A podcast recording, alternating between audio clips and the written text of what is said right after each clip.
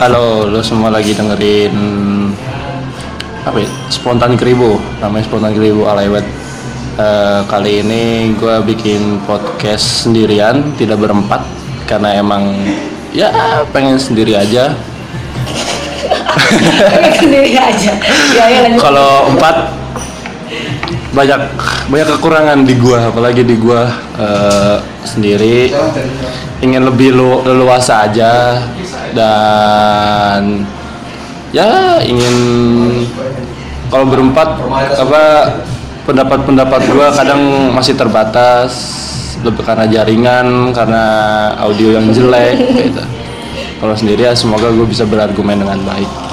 Di episode pertama sekarang gue nggak sendirian. Ada yang menemani jauh-jauh dari Jakarta. Sebenarnya stay di di Bandung.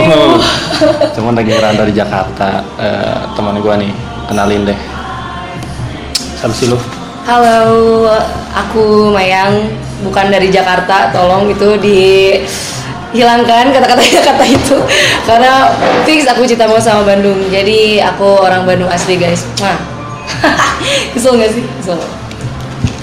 Ya, Mana? Mayang dia sedang mengadu nasib. Nggak mengadu nasib, dia lagi PKL. Dia sedang meng Nasib buruk. sedang menge- sedang ada di titik tugas eh, akhir-akhir kuliah lah. Ya dia sedang melakukan dan dan sedang merasakan kerasa Jakarta.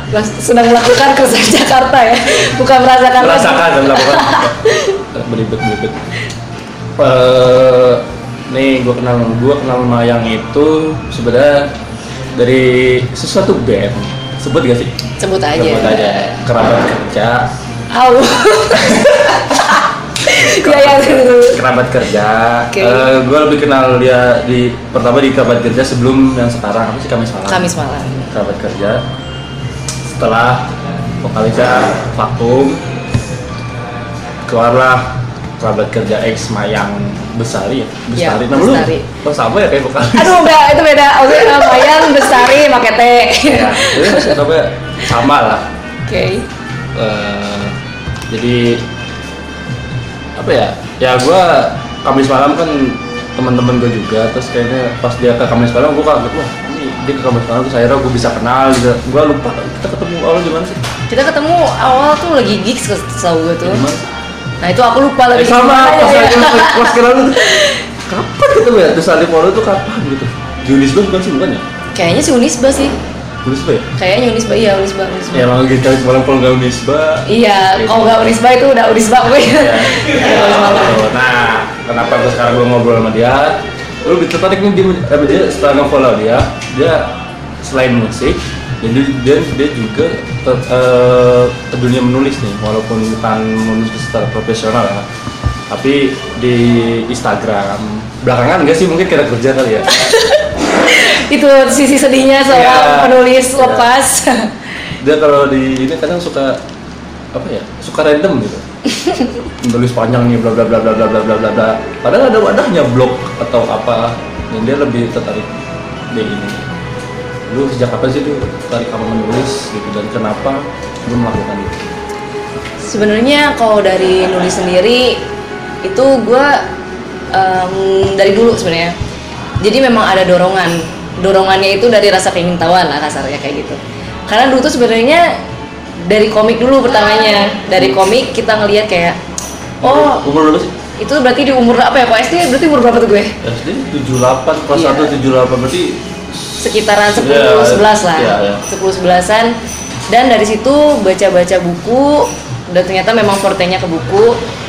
Dan akhirnya pas ngerasain fortenya buku itu kayaknya wah tertantang nih buat bikin Berarti dari tulisan. komik komik apa sih Komiknya sebenarnya pertama yang lu baca lu bikin bodoh banget komiknya sebenarnya. Doraemon sebenarnya. oh Maksudnya itu nggak bodoh cuma kayak itu udah mainstream banget gitu. Ya kalau dulu kalau kalau nggak itu Bobo, terus eh Bobo, Doraemon, Shinchan. iya Shinchan, Mm. rada berat ke Conan, Iya, Eh, kalau berat, kan kalau mulai sedikit Conan. rada berat kan, Iya, iya. detektif gitu. tapi kalau dulu sebenarnya yang membuat tertarik itu eh, sebenarnya dulu nggak nggak baca majalah bobo sih. Majalah bobo majalah Marvel atau majalah-majalah komik yang sangat-sangat di luar nalar tuh sebenarnya nggak terlalu ke situ. Hmm. cuma kan kalau Doraemon itu dia kayak lebih apa ya kayak lebih ada sisi manusiawinya lah gitu dan benar-benar manusiawi gitu. Tentang seorang anak yang dia tuh sebenarnya mungkin punya kecerdasan yang kita tidak tahu gitu tapi di buku itu dia diperlihatkannya secara samar-samar tuh seperti orang yang bodoh gitu. Emang Nobila, Nobila tuh pinter ya? Nobita tuh pintar coy. Tapi kenapa dia bisa jadi jelek? Maksudnya bodoh aja gitu, apa dia ulangan dapat nol, dia nggak bisa belajar, tambah bantuan Doraemon. Kalau gue nggak baca komiknya. Jadi Kalau di komiknya gitu kalau di komik itu sebenarnya dia kalau misalnya lu lihat orang nggak mungkin gagal berulang kali. Ngerti gak? Iya. Nah, ada orang yang memang gue lihat dari si Nobita ini, Gagal, gagal aja terus gitu ya udah gagal aja terus. Padahal soal-soalnya, maksudnya kayak kas- kasarnya nih kita di dunia nyata, Eh, soal-soalnya tuh kayak misalnya gue dikasih soal ini hari ini, eh lu besok remedial ya soal yang sama, nggak mungkin dong dapat nilai nol. Iya. Harusnya ya. Harusnya kayak gitu. Dan aku lihat sisi cerdasnya tuh, oh berarti dia memang bisa aja secara sengaja mungkin bikin gurunya kesel atau apa ya sebenarnya konyol sih cuma tapi memang di situ aku lihat kayak kecerdas- kecerdasan si Nobita ini memang benar-benar cerdas ditambah dia kan punya imi- imajinasi dan segala macam iya, luas banget. luas banget ditambah dia berteman dengan Doraemon kan jadinya Berteman dengan Doraemon Iya. Asal usulnya gimana sih? Apa? Asal usulnya dari di jadi Doraemon sebenarnya kayak robot dia tuh robot, Robot yang diciptain depan, ya kan? ya robot dari masa depan diciptain buat ngebantuin manusia gitu. Dan bentukannya sebenarnya kucing tapi keluarnya Doraemon bukan kucing jadi kayak bola-bola apa gitu kan nggak jelas. Dengan kepala besar ya itu dan muat di la- di laci Di laci. di laci itu gimana logikanya? Kepala besar dia buat buat di laci ya makanya kan itu jadi si buku itu tuh sebenarnya membukakan imajinasi yang sangat luas gitu kan. Dari situlah mungkin mulai nulis-nulis tuh kalau misalnya mulai aktif itu pas mau ke kelas SMP sih di cara menulis SD, SMP dan SMA sebenarnya cara menulis yang paling kritis itu ada di Sekarang SMA mungkin. sekarang Iya. sekarang dan SMA gitu akan lebih jijik berarti di SMP hmm, apa yang lebih kalau misalnya SMP Iya kalau dibaca di ngapain sih Iya, ada perasaan kayak gitu. Iya, gitu. Dan tapi kalau misalnya di SMP itu eh, itu adalah cara penulisan seseorang yang apa ya SMP itu memang mainstream banget sih. iya Dia masanya tentang cinta-cintaan, relationship, how to uh, break up dan segala macam itu tuh di tulisan itu tuh memang bener-bener mainstream seperti seseorang sekarang itu ada kan Iya, namanya transisi dari anak-anak ke remaja kan Iya, tapi kan ada yang memang dia tuh mungkin dari jiwa SMP-nya memang stay di situ. Dan sampai hari ini mungkin eh, si cara penulisannya pun memang mudah dicerna. Cuma temanya terlalu letoy sih kalau buat aku ya. iya referensi juga masih kurang dulu mah Iya, bisa Iya. kayak gitu. Terus kalau misalnya mulai nulis yang sangat aktif tuh SMA. Karena SMA itu di SMA aku ada tiga jurusan. Itu jurusan IPA, IPS sama bahasa. bahasa. Nah, baru tahu ada bahasa bahasa itu aku juga gak ngerti nih sebenarnya si bahasa ini apakah memang cuma ada di 15 atau di tempat lain aku kurang tahu sih Iya cuma makanya biasanya kalau nggak IPA, IPS sama ada ya jadi aku sebenarnya orangnya anti mainstream gak ngambil IPA gak ngambil IPS udah aja bahasa gitu. Biasanya anak anak SMA tuh kalau nggak ngambil eh ngambil IPS sih karena IPA males gitu.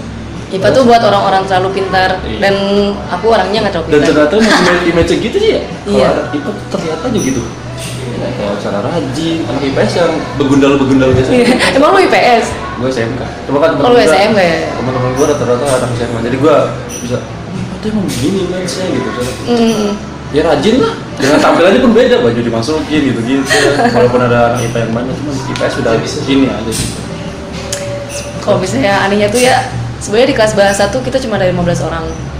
Lucu sih. Satu angkatan? satu angkatan 15 orang. Angkatan gue ada itu lu angkatan 15 keberapa?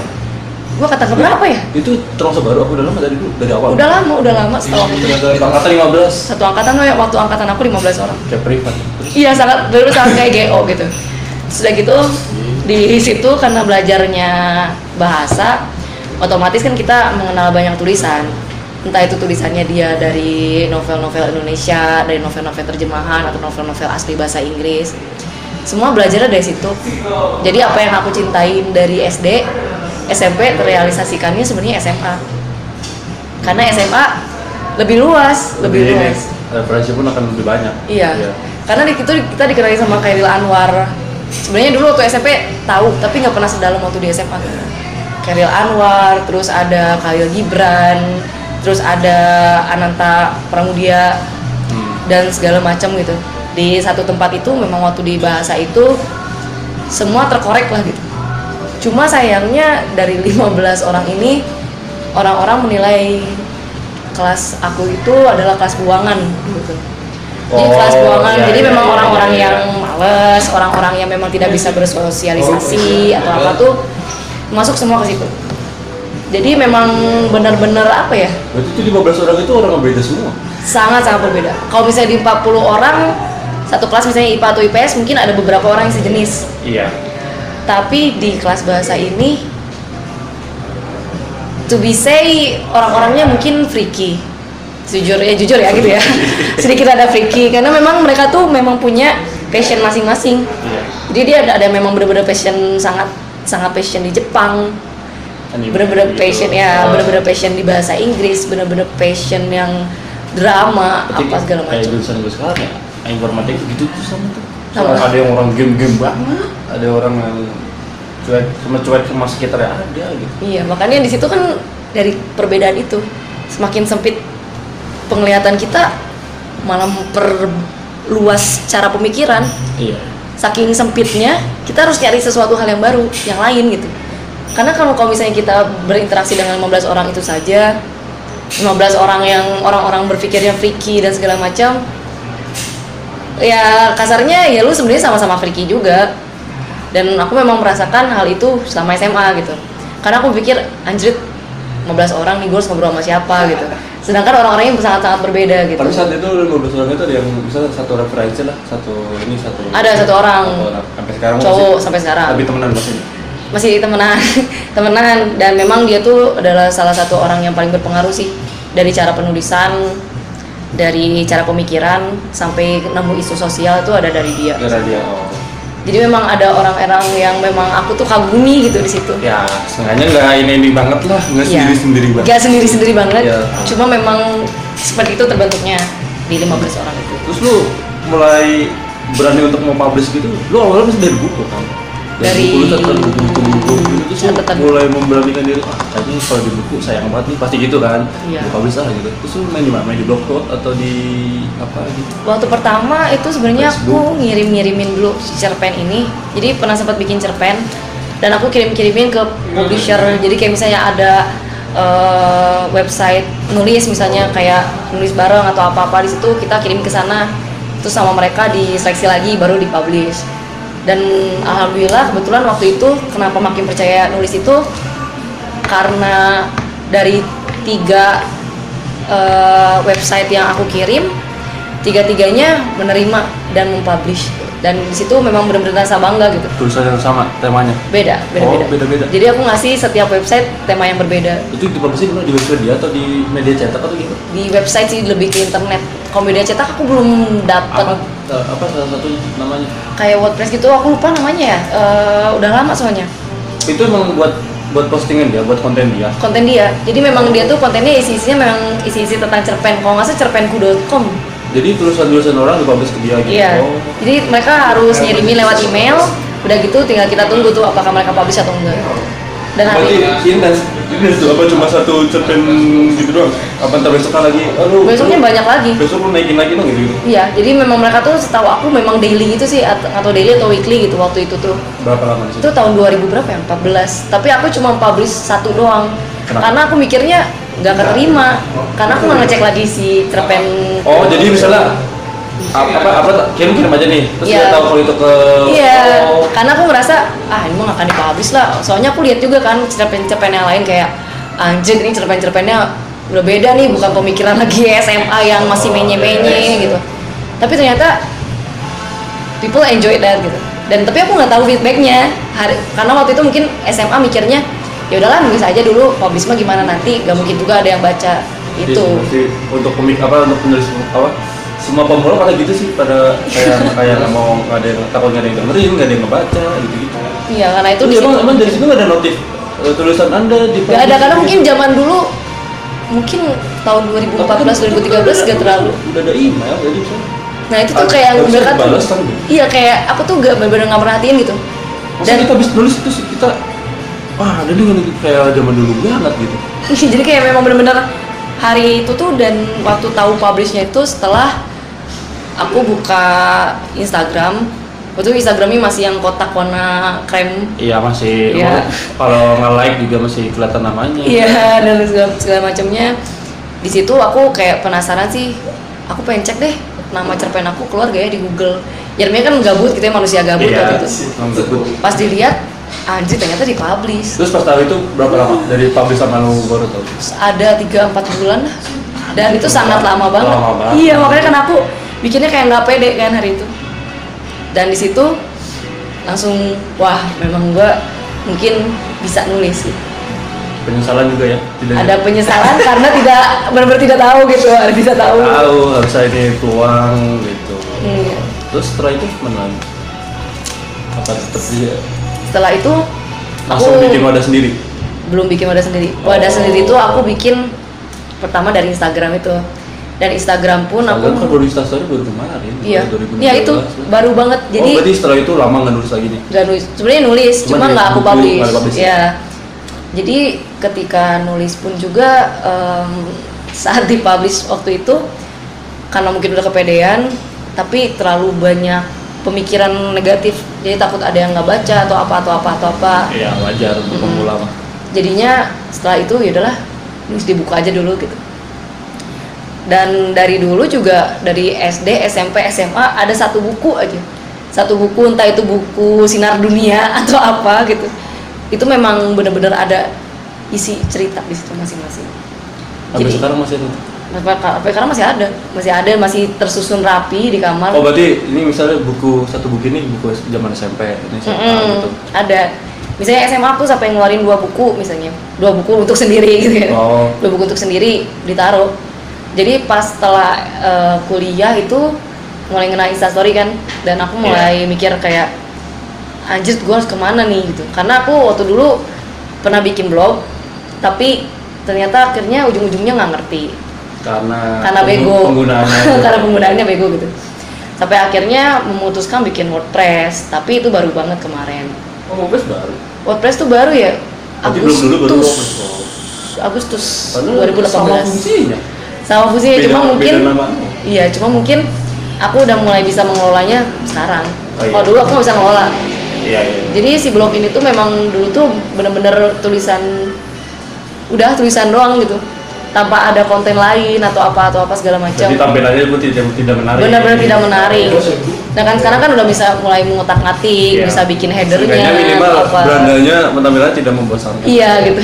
Walaupun sebenarnya isinya ya itu itu aja gitu. Iya. Terus setelah ke Instagram setelah apa ke- yang kamu mendapatkan gitu. Berarti kan di situ tadi langsung Iya. dapat wah gue banget nih. Itu apaan sih lu? Kenapa bisa dicurhat sendiri? Tadi nggak boleh publik gitu pasti ada orang-orang gitu. Banyak banget.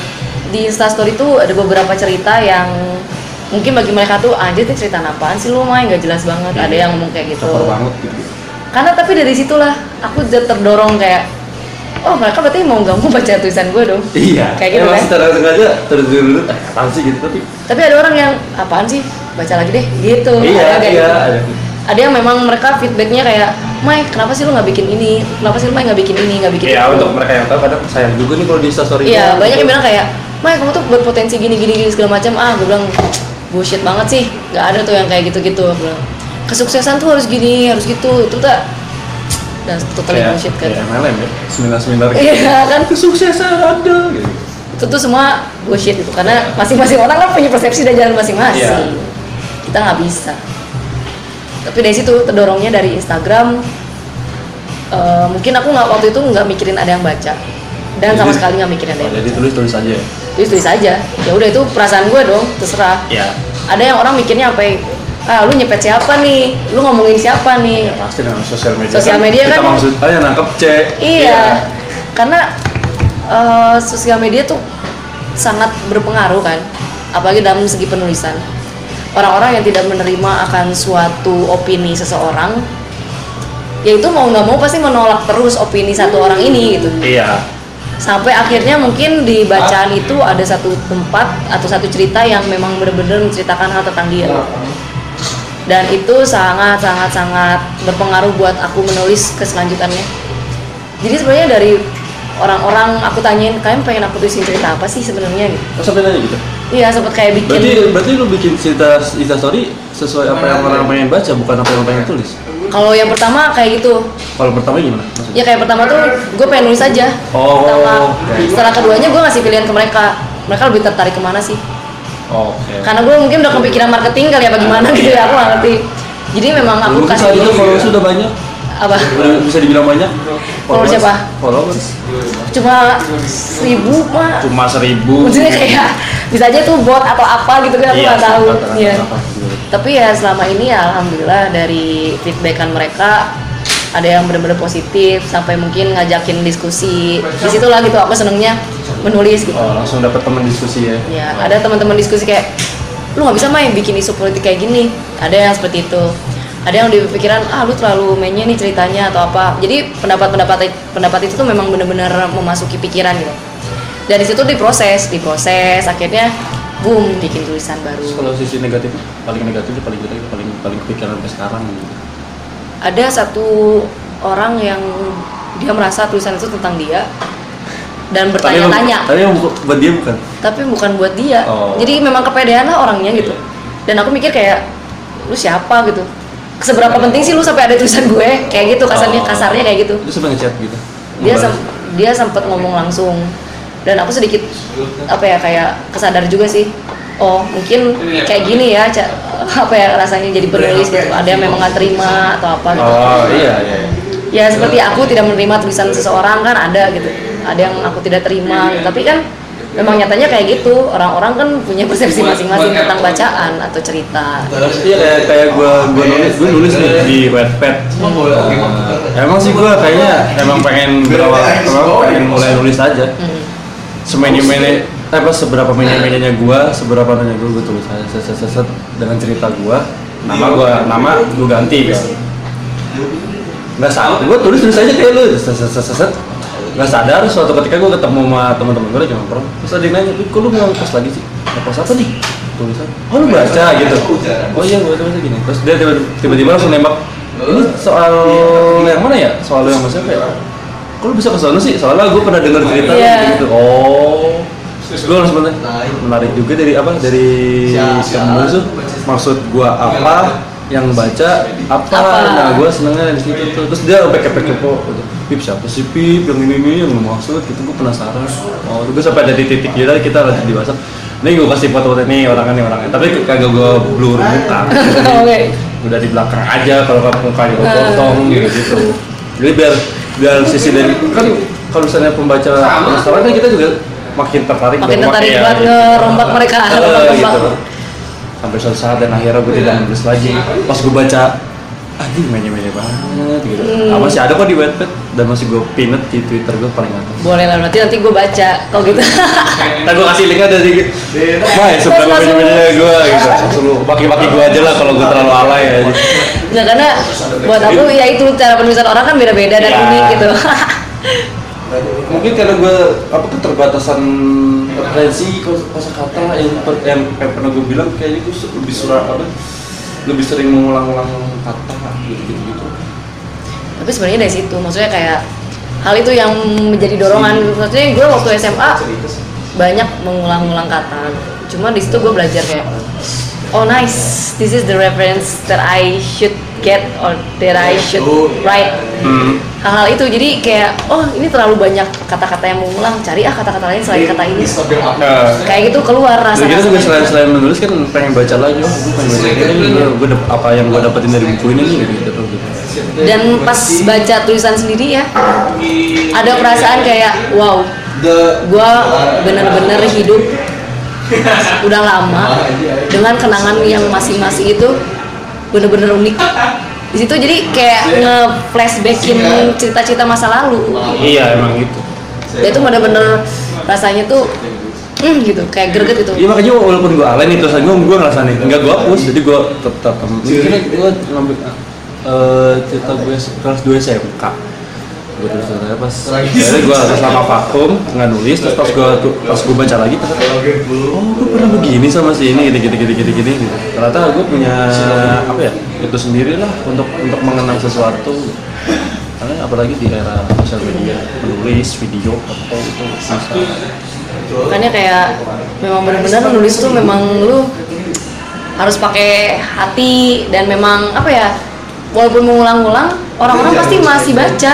Ma- maksudnya ada satu dua orang baca lah. Iya itu satu dua orang. Iya. Orang-orang yang ini emang Jailan. hanya gua suka aja gitu terus dia kesel ke gua kenapa sih nggak lanjutin lagi ke gua kan? Penasaran. Ya karena gua yang udah nggak bisa berdamai sama cerita itu terus mau malas melanjutkannya ya ya udah. Ya udah terus ya udah ntar suatu saat dah kalau ini gua ini lagi sebenarnya ya itu juga sih. maksudnya yang ngebantu aku bikin lagu dari situ. Terus memang orang-orang kayak nanya Mai kok lu bisa dapat inspirasi nulis kayak gini sih? Gitu kan. Ada yang nanya kayak gitu. Eh, satu metode aku tuh memang aneh sih kayaknya bagi orang-orang sebagian oh ya berarti lu musik dulu tuh nulis dulu? Nulis dulu gue. Nulis dulu. Nulis berarti dulu. lu kalau misalnya kan lagi kata kata lu lagi ada ini nih eh, lu berarti lebih ke lirik dulu baru musik ya? Tapi kalau itu tergantung. Kalau sekarang karena karena aku megang dua-duanya dan memang sebenarnya sih hidup aku kalau nggak jauh dari nulis dan musik gitu. Iya. jadinya kalau misalnya itu bisa bisa lirik duluan bisa memang musik duluan. Sejauh ini yang lu yang lu paling sejauh ini masih dari dari kata-kata dulu sih. Karena mungkin nulis itu ya. Baik dari kata-kata dulu. Cuma dari kata-kata itu memang susah banget di apa ya, diaplikasikan ke musik? Sangat susah. Berarti kalau misalnya musiknya udah ketemu kita tinggal masuk masukin dong sebenarnya tinggal masuk masukin doang dan kita tinggal mengubah kata-kata yang mau kita nggak serap di Nggak tahu. terus tadi memang uh, Nulis, nulis. lirik. Langsung kan lu langsung masuk ke musik ya. terus pertama kata lu kan menulis dulu nih. Nulis nulis kan udah kalau lagu lu mulai ini kenal musik itu kapan? Kalau kalau dulu gua ngerasanya gua dengerin dengerin aja nih sampai ke dalam-dalam. Oh, gini gini gini gini. Kalau aku tuh kalau musik sebenarnya dari dulu banget. Lebih sebenarnya lebih duluan musik sih dibanding nulis. Cuma musik tuh lebih lebih tertarik buat mendalaminya itu mulai SMP Oh, jadi kan kalau nulis memang bener-bener dari SD kalau ke musik yang bener-bener mulai serius musik itu dari SMP karena gitar allegro waktu itu dan memang tertarik ngelihat orang-orang kayak main gitar hero segala macam main gitar tuh kayak cip keren banget beberapa beberapa orang berbagian berawal dari game juga ya. Iya, ada- game ini aku jadi ini terus di dunia nyata Iya. ada gitu. dan karena apa ya mungkin kebiasaan dulu sering nonton Michael Jackson atau sering nonton uh, David Foster musik-musik kayak gitu dan lihat orang-orang main musik tuh megah gitu Iya. jadi kita kayak ngerasanya anjir gue kalau bikin kayak gini gimana ya gitu Berarti be, sorry mati buang-buang ya. Benindo yang per, yang pertama lu dengerin siapa? apa Indonesia, yang Indonesia. Band Indonesia Sampai yang pertama. pun, dan menemani lu tumbuh. gila Peter Pan anjir bagus ya maksudnya maksudnya alay cuma tapi tapi di situ kan maksudnya kata-kata dia zaman dulu tuh memang bagus-bagus kayak ada hayalan tingkat tinggi aneh gitu kan kata-katanya Topeng. topeng terus apa lagi tuh yang video klipnya di kepala di kaki kaki di kepala itu Kepala di kaki. ya itulah Kayak pokoknya kayak mainan gitu ya, lutut. itu itu lutut bagus siapa kan gitu kayak ya. pikiranku tak dapat ku mengerti kaki di kepala kepala di kaki waktu SMP pemikirannya apa sih kaki di kepala kepala di kaki kayak game kayak gimana tuh Pak? Kepala pundak Iya. kayak gitu kan ibaratnya gitu. dan maksudnya kayak dia kayak bisa ngasih eh apa kasih kalimat yang menggelitik gitu maksudnya kayak buat anak SMP gitu ya kaki ke kaki di kepala kepala, Kepala di, di kaki. kaki. jadi kenapa gitu kan akhirnya kita cari-cari kayak oh itu tuh kayak diksinya sesuatu loh gitu Ya. Misalnya apa loh akhirnya kan jadi kebuka lagi luas lagi Apa, tapi sampai sekarang masih dengerin. Sekarang masih dengar sih Apa sebenarnya karena udah berubah jadi Noah jadi lu nggak dengerin?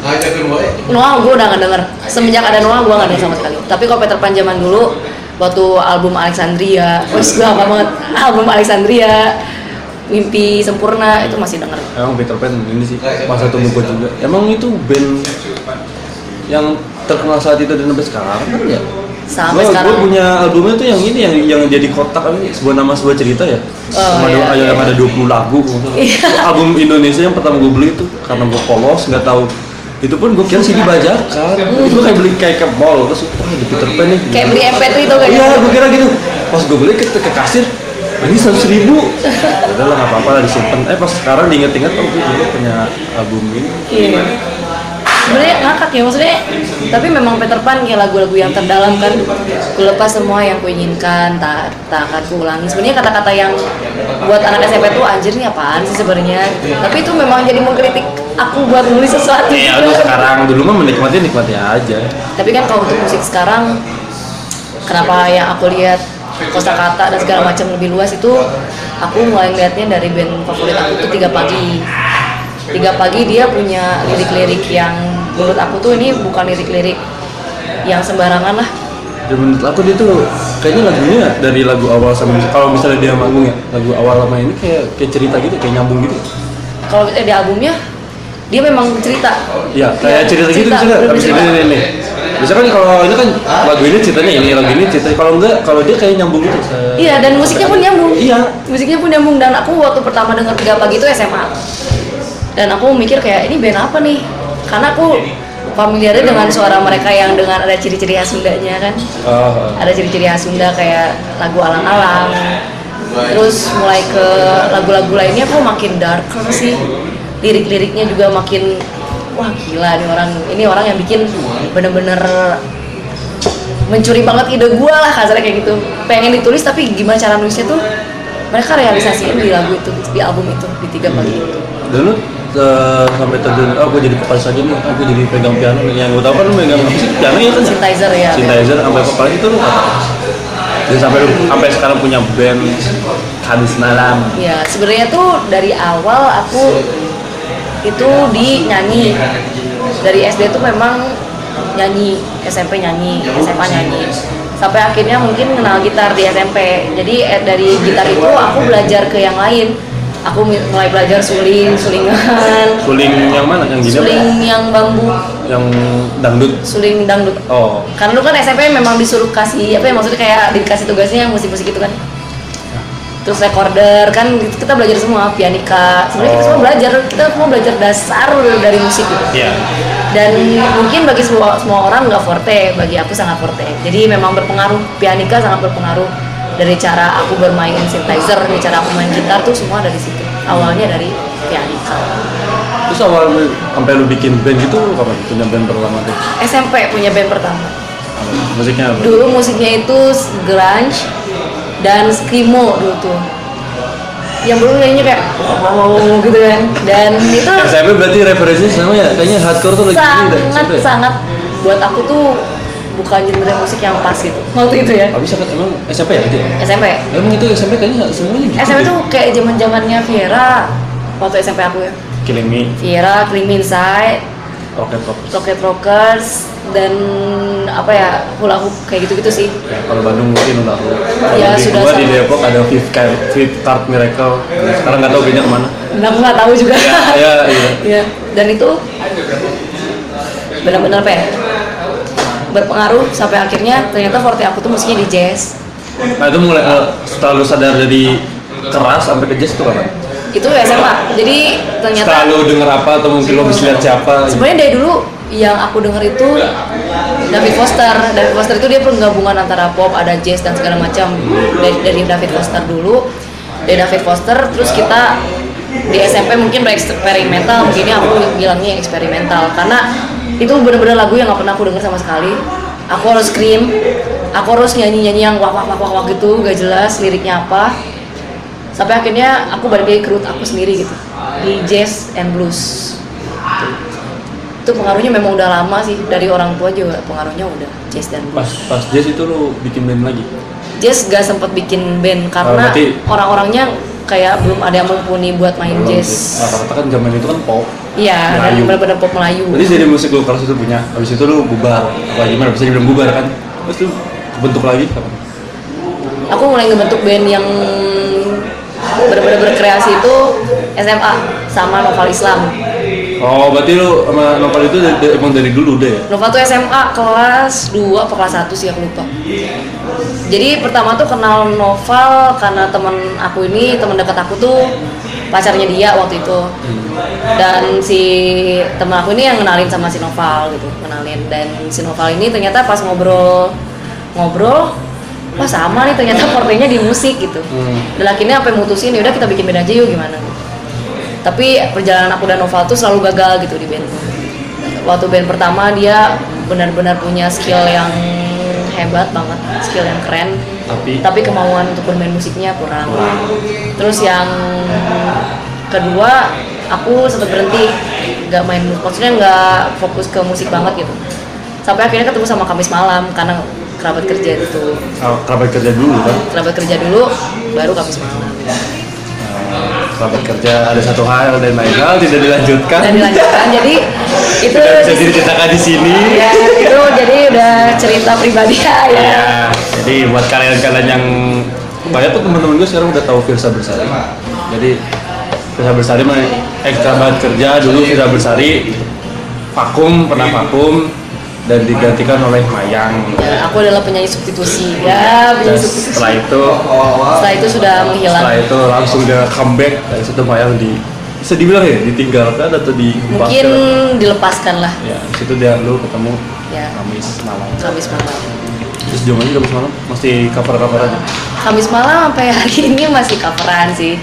Aku sih berharapnya dari musik yang udah mereka dapet ya maksudnya referensi-referensi musik mereka gitu pengennya ada yang baru gitu tapi ada produk belum ada yang bisa buat bikin produk pas semoga inilah ya mohon doanya aja Amin. Gue mah selalu support teman apa yang teman gue lakukan dari segi hal musik, stand up, apa pun. Eh, yang gue menarik dari dulu tuh, lu pernah bilang sama gue, lu tuh udah males sama hal-hal yang relasi mainnya-mainnya dan lebih tertarik ke isu sosial. Itu why? Kenapa?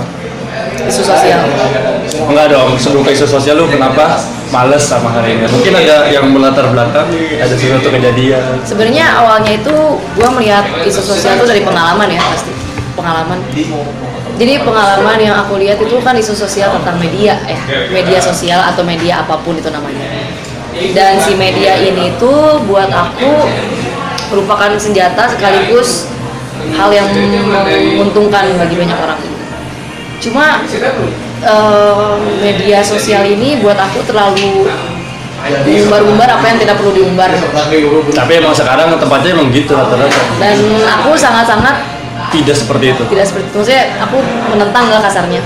Sebenarnya nggak ada hak untuk menentang. Cuma aku memang nggak suka aja gitu memang nggak suka cara caranya terus dan dari situ juga ada beberapa yang isu sosial benar-benar sensitif dan nggak bisa diangkat sama banyak orang gitu Iya, lagi era sosial media sekarang sangat sensitif kan. Kita ngomong A marah-marah, ngomong B marah-marah. jadi semua tuh serba sensitif gitu orang-orang Iya. dan sensitivitas itu tuh benar-benar nge- ngebangun seseorang itu menjadi karakter baru yang sama gitu bukan karakter baru yang lu banget gak ada jadi kayak sekarang tuh orang-orang sama serata semua gitu dan jadinya enggak banget dan yang aku lihat sebenarnya ada salah satu kayak misalnya aku menjadikan gunung dulu itu sebagai tempat yang sakral kan tapi maksudnya? dulu Masa kayak lalu? masih masa lalu SMA SMP Oh ya, buat aku tuh gunung tuh adalah satu tempat yang sangat sakral kan iya. sangat sangat sakral buat saya. Maksudnya kenapa sakral karena gunung itu adalah tempat di mana kamu bisa menemukan udara bisa menemukan air bisa menemukan daratan pepohonan dan segala macam ada di situ Dan itu apa ya? Untuk ini daratan yang tertinggi kan di gunung itu. Dan kita nyampe sonanya pun nggak gampang. Nggak gampang. Itu dulu.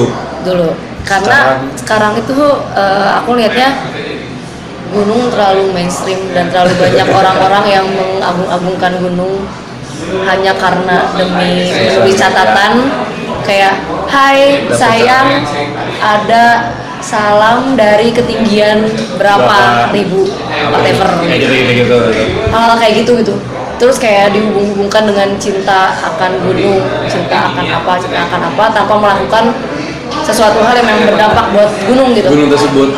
Dan aku tuh kayak kesel tapi yaudahlah gitu. Mungkin karena mainstreamnya ke gunung gitu.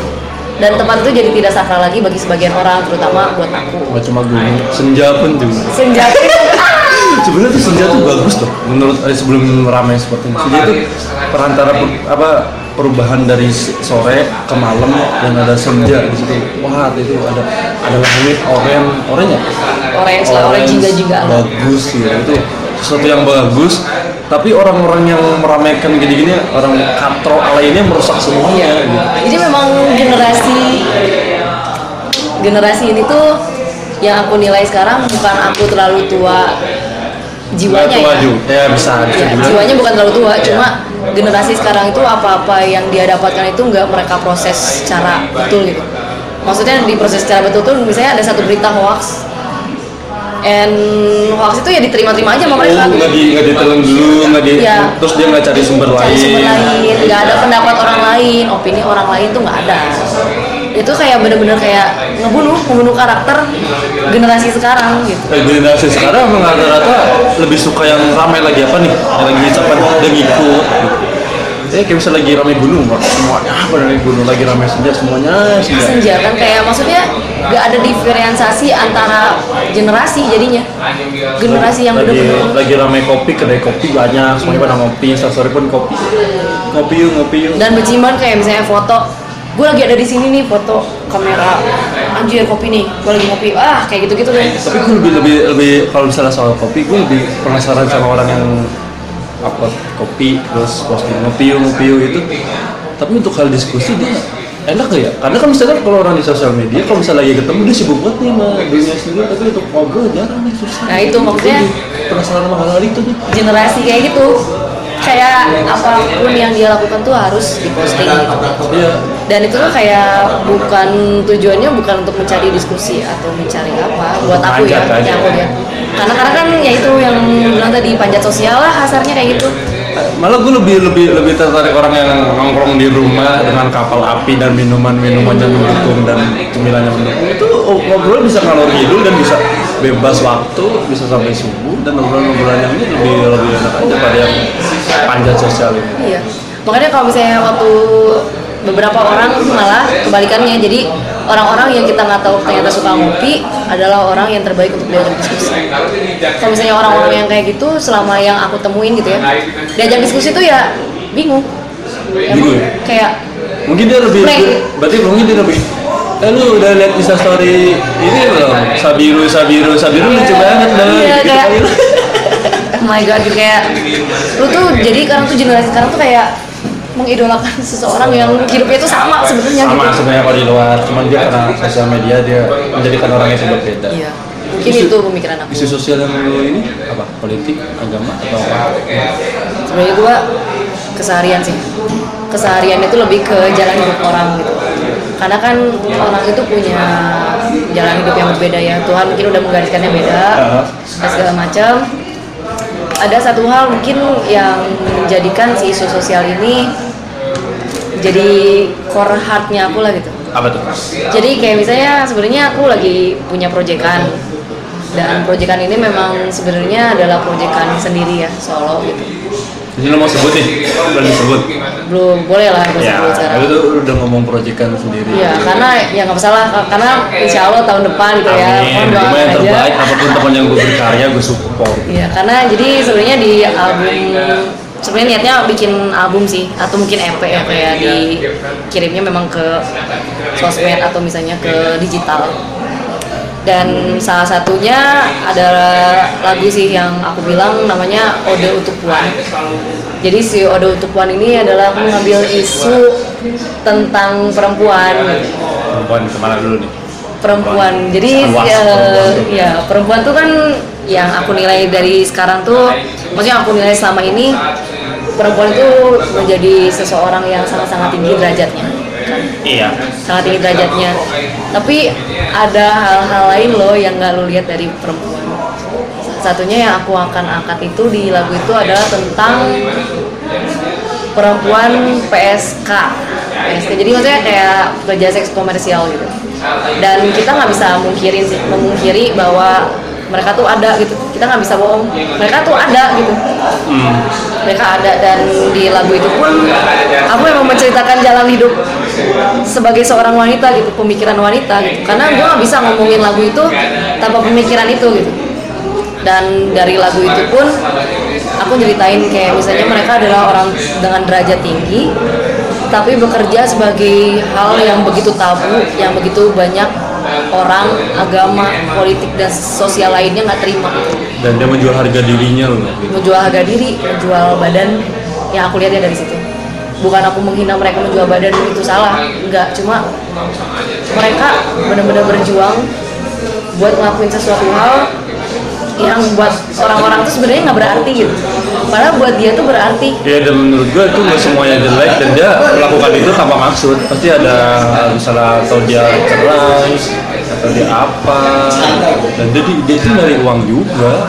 Dan karena kan isu sekarang gitu Iya. ekonomi apa sih yang nggak bisa lu beli dengan duit? Semua tuh dibeli pakai uang gitu. Katanya udara tuh udara nggak bisa dibeli pakai uang kayak segala macam iya memang itu memang bisa dibeli sama uang. Itu karena udah kehidupan lo. Dari Tuhan ya dikasih udah dikasih cuma. Dan lu masih mem- masih protes udara aja nggak bayar. Itu nggak mikirin jalan hidup lo. Iya. orang-orang yang kamu nilai seperti A itu nggak mungkin. A terus. Ada B-nya ada C-nya. Kalian nggak tahu aja. Ada sisi lain dari perempuan itu. Itu berarti lo ada lo kan lo denger denger Peter Pan dan Peter Pan pun punya lagu kupu-kupu malam apa. Dari situ juga lo mulai bisa jadi referensi. ada ada referensi dari kupu-kupu malam.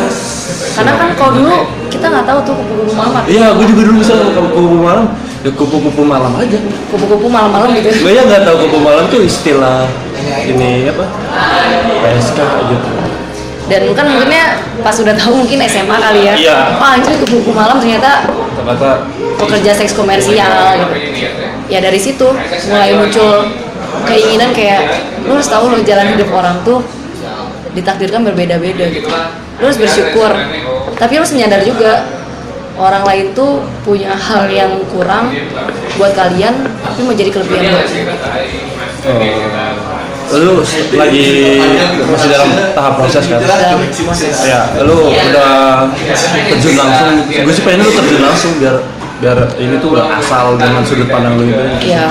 yang lu lihat. Sebenarnya ada sih pengen pengen ada rencana sih sebenarnya. Cuma PSK itu mungkin ada di sisi lain juga. PSK bisa lu langsung cerminkan lewat PSK langsung, bisa juga. Bisa juga melalui teman. oh ada tem- Teman. Sebenarnya ya itu sama juga tuh sama-sama isu juga. Kayak cewek sekarang itu jujur aku bilang terlalu murahan. Satu kenapa gitu. Maksudnya ada beberapa orang yang menurut aku tuh terlalu selati lah.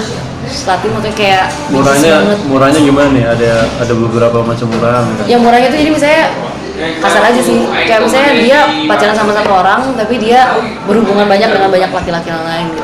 oh iya. Jadi maksudnya Ya, itu ya. tuh bukan hal yang rahasia bagi banyak orang gitu. Bukan bukan hal yang rahasia teman-teman kita ada yang kayak gitu. Ada cuman kayak karena hal tabu juga kali ya jadi teman-teman kita orang-orang gini yang dekat kita nggak mau nyentuh hal karena dan aku juga mikirnya kayak perempuan ini perempuan ini ya memang sangat-sangat riskan lah untuk dibawa ke sebuah lagu gitu sebenarnya. Aku nggak tahu sih kalau misalnya orang lain musuh-musuh lain ada yang udah ngangkat-ngangkat tentang perempuan mungkin oh ya ada eh, si lampu kau kan yang tentang Doli itu. Doli. Tapi aku pengen di sisi lain gitu di sisi sebagai seorang wanita gitu oh ya lo kan dari kacamata mata wanita langsung ya kan kalau dia kan dari sisi dari laki-laki yang menikmati Oh, tapi kalau Peter Pan ada, ada seorang titik puspa juga kayak kayak kayak dia bikin juga ya. Kalau nggak salah tuh dia tuh titik puspa, dia cover lagi Oh, malam. Oh iya iya iya. iya. Dan aku mikirnya kayak memang si lagu ini, emang apa ya? Mungkin bisa jadi sumber inspira- inspirasi, cuma yang aku lihat lebih lihat lagi sih dari cara teman-teman aku melakukan hal-hal itu gitu. Dan itu sebenarnya bisa aku nilai sebagai PSK juga, tapi bukan artinya PSK dengan dibayar gitu. PSK mereka dengan cinta. Dimakan sama cinta. Jadi ya hubungan mereka bakal basi terus karena nggak ada kayak gitu gituan iya sih. Ganti lagi cobain sama yang lain. Oh enak ganti lagi jadi me- menafs apa memuaskan nafsu birahi diri sendiri Iya. Dan perempuan tuh ya itu harus dari orang lain nggak bisa dengan diri sendiri. Jadi udah dipuaskan sama orang lain. Ya kayak yang aku kasih contoh kemarin, kayak misalnya dia nanya nih, eh makan yuk. Oh ya mau makan apa? Terserah kamu deh. Itu kan udah kelihatan, cewek pengen dilayani, pengen dipuasin sama orang lain. Hal-hal kayak tapi gitu. nggak disalahin gitu untuk perempuan kan misalnya untuk kalimat terserah gak apa-apa itu gak semuanya cowok tuh bisa mendebak maksudnya Ya ini kan jadi aku ngasih saran buat kalian gitu maksudnya kalau cowok tuh Cowok-cowok. cewek cewek itu orang-orang yang sangat ingin diperhatikan dan ingin dipuaskan jadi nggak bisa mereka memuaskan diri mereka sendiri jadi itu udah kayak hal itu udah nomor sekian deh kalau misalnya lu udah jomblo lama baru bisa sendiri. Emang yang gue lihat ya jarang deh cowok cewek jomblo lama. Jarang ya? Ya kecuali dia memang terakhir terakhir melakukan hubungan dia ada tragedi apa ya sampai dia trauma sakit gitu. Itu baru tuh mesti ada mungkin tragedi itu juga yang jadi apa ya? Yang jadi penyadaran buat dia sih bagusnya cuma memang ada beberapa orang kayak teman-teman aku yang balik lagi ke PSK tadi memang mereka udah menikmati gaya hidup mereka seperti itu. dan aku bisa melihat tuh secara kasat mata aku bisa lihat sebenarnya itu samar-samar gitu samar-samar mereka menuju ke sana gitu sebenarnya. Bukan artinya gue mendoakan mereka jadi PSK ya. Maksudnya PSK bukan gue juga nggak nilai jelek-jelek juga karena mereka punya kebutuhan masing-masing. PSK harus ngehidupin keluarganya harus ngehidupin anaknya dan segala macam. Ibunya. itu kan pengorbanan yang sangat besar bagi orang yang sangat dianggap suci. Agak gampang dong apalagi lingkungan lingkungan dia kan. Perempuan kan dianggap suci maksudnya kayak surga pun ada di telapak kaki ibu bukan di telapak kaki ayah. Ya dan di doa di doa pun harus ibu ibu ibu tiga kali baru baru ayah. dan itu bener-bener jadi apa ya jadi tergelitik deh. Kayaknya bagus nih dibikin cerita dalam versi perempuan. Dari sudut pandang perempuan perempuan langsung ya? Iya, dari sudut pandang perempuan sebagai orang yang dihormati katanya gitu. Dihormati tapi punya hal-hal yang tidak bisa mereka pungkiri bahwa mereka butuh itu. Dan laki-laki pun sebenarnya nggak bisa bohong. Mereka tuh butuh itu gitu. emang untuk hal bisa dibilang berhubungan sih keperluan sama step ini untuk step laki-laki ataupun perempuan bedanya yang gua tahu perempuan tertutup aja laki-laki terlihat Iya, jadi kayak kayak ular ya. kayak ular perempuan. jadi makanya sering dibilang kan laki-laki omes atau apalah perempuan terus misalnya kalau kita ngeliat perempuan yang wah ternyata lu gitu terus kita kaget terus kita lebih lebih suka sama perempuan yang ini tuh Iya. gitu Dan ya apa ya, ya itu kan cowok juga bilang cowok pengen cewek yang baik. It's totally bullshit bro. iya Maksudnya lu nggak bisa menerima seseorang yang punya masa lalu, tapi lu paksain terus berhubungan sama dia gitu. Berhubungan bukan arti berhubungan yang itu ya, tapi berhubungan ke relationship yang Iya. serius gitu. Dan masih banyak cowok-cowok kayak gitu. Kayak dia tiba-tiba marah, gua nggak terima nih sama masa lalu lu, lu A, lu tuh B, lu tuh C, Eh, terus terus dia cemburu sama masa lalunya. Dia cemburu sama masa lalunya dan dia bilang lu tuh terlalu murahan atau lu terlalu banyak deket sama cowok makanya lu kayak gini kayak gini kayak gini. Padahal itu sesuatu yang dulu ya, kalau misalnya dia nggak ngelakuin hal-hal dulu gitu, dia nggak ada di titik sekarang. iya dan makanya maksudnya dia berarti kasarnya lelaki seperti itu tidak bisa menghargai perempuan. Iya. sangat-sangat tidak menghargai karena dia menilai apa yang masa masa dulu sampai sampai sekarang disamain Iya, iya. dan itu tuh buat aku menyamakan si masa lalu dengan masa sekarang tuh bego gitu. Berarti lu nggak apa yang nggak belajar dari kesalahan Masih banyak sih orang-orang gitu. ya makanya kalau cowok lah tolong apa ya tolong coba pikir-pikir ulang lagi. Kalau misalnya pengen cewek yang baik lo ngaca dulu deh sama diri lo sendiri gitu. Iya. Ah, aku pengen bisa kayak dia. Hmm. Kayak gitu dia. Coba Lo nggak bisa ya, lu bermimpi- dulu dong. Lu udah bermimpi sejauh mana juga Iya. gitu. dan apa ya kayak cowok tuh terlalu berharap tinggi itu sama perempuan perempuan juga begitu kan juga dengan cowok. Eh, dengan cewek juga begitu. iya tapi kalau perempuan tuh buat aku sekarang gitu ya mereka menerima masa lalu sebenarnya Cuman Cuman ya- cowok, cewek, cowok, kayak susah juga sih nerima kalau gitu. cowok tuh jadi dia memaafkan satu hal itu di hari itu Besok tapi itu akan terbawa terus dan keinget terus sama sih sebenarnya kayak kayak cewek cuma kalau cowok tuh dia lebih tertutup jadi kebalik kan kayak yang tadi Iya. Kalau cowok tuh lebih emang cewek- tertutup sama rasa kayak gitu gitu Emang cewek itu tertutup, cowok tuh enggak. Iya. Begonya cowok tuh enggak bisa menutupi sesuatu. Iya. Makanya mereka kayak mikir kayak gitu kayak nggak make sense aja gitu kayak misalnya mereka pengen punya cewek yang baik itu nggak nggak bisa kayak mereka kayak gitu. Dan si perempuan juga kan ya di lagu itu juga kan aku nggak bisa main-main nggak bisa main-main untuk menjudge seorang PSK itu seperti apa gitu. Ya makanya aku masih ada rencana sih untuk ngobrol sama hal kayak gitu. Harus harus. ya dan ada juga cowok juga yang pernah merasakan bermain dengan mereka gitu. Jadi Ada tuh. ada. Dan itu memang gue baru pertama kali denger gitu dan wow gimana rasanya lu main sama yang gituan gitu sama PSK and they say like ya mungkin sama aja sih kayak hubungan biasa cuma bedanya kita memang bener-bener gak kenal. Dan membayar. dan membayar gitu. Jadi memang rancu kan? Rancunya kayak misalnya teman gue sama dia dengan cinta yang ini dibayar dengan uang gitu. Iya, beda ininya, beda caranya. jadi memang Sama. jadi memang aku pengen menarik perempuan itu buat tahu gitu bahwa ya kalian tuh dihormati tapi apa sih yang sebenarnya orang lain lihat? gitu. itu benar-benar hal yang pengen aku angkat di lagu itu dan memang buat album ini atau EP ini tuh memang dia aku ceritain benar-benar ceritain tentang kehidupan lah. Karena buat aku kehidupan perempuan itu harus harus ngambil sudut pandang. ya terlalu banyak juga. perempuan itu terlalu banyak dihakimi. Terlalu banyak diberi peraturan segala macam pemerkosaan dan segala macam yang disalahin kan baju ceweknya. Iya. bukan ba- bukan nafsu cowoknya Itu gitu. kalau sange sange aja. iya. Kayak lu ngomong aja sih sange sange gitu kan. Kayak itu kayak harus apa harus memperkosa orang Padahal eh, untuk pemerkosaan terbanyak itu di Timur Tengah yang pakaiannya pun tertutup. iya dan itu nggak sesuai kan dengan apa yang dinormakan atau dibikin sama orang-orang. Dan ya aneh aneh aja Jam nih dari 56 menit. Gila. Gak kerasa kan? Enak kan? Enak kan ya? Itulah kenapa gue bikin podcast. Bla bla bla bla bla bla bla. Secara secara nggak sadar tiba-tiba udah sejam. gila Penutup lah penutup.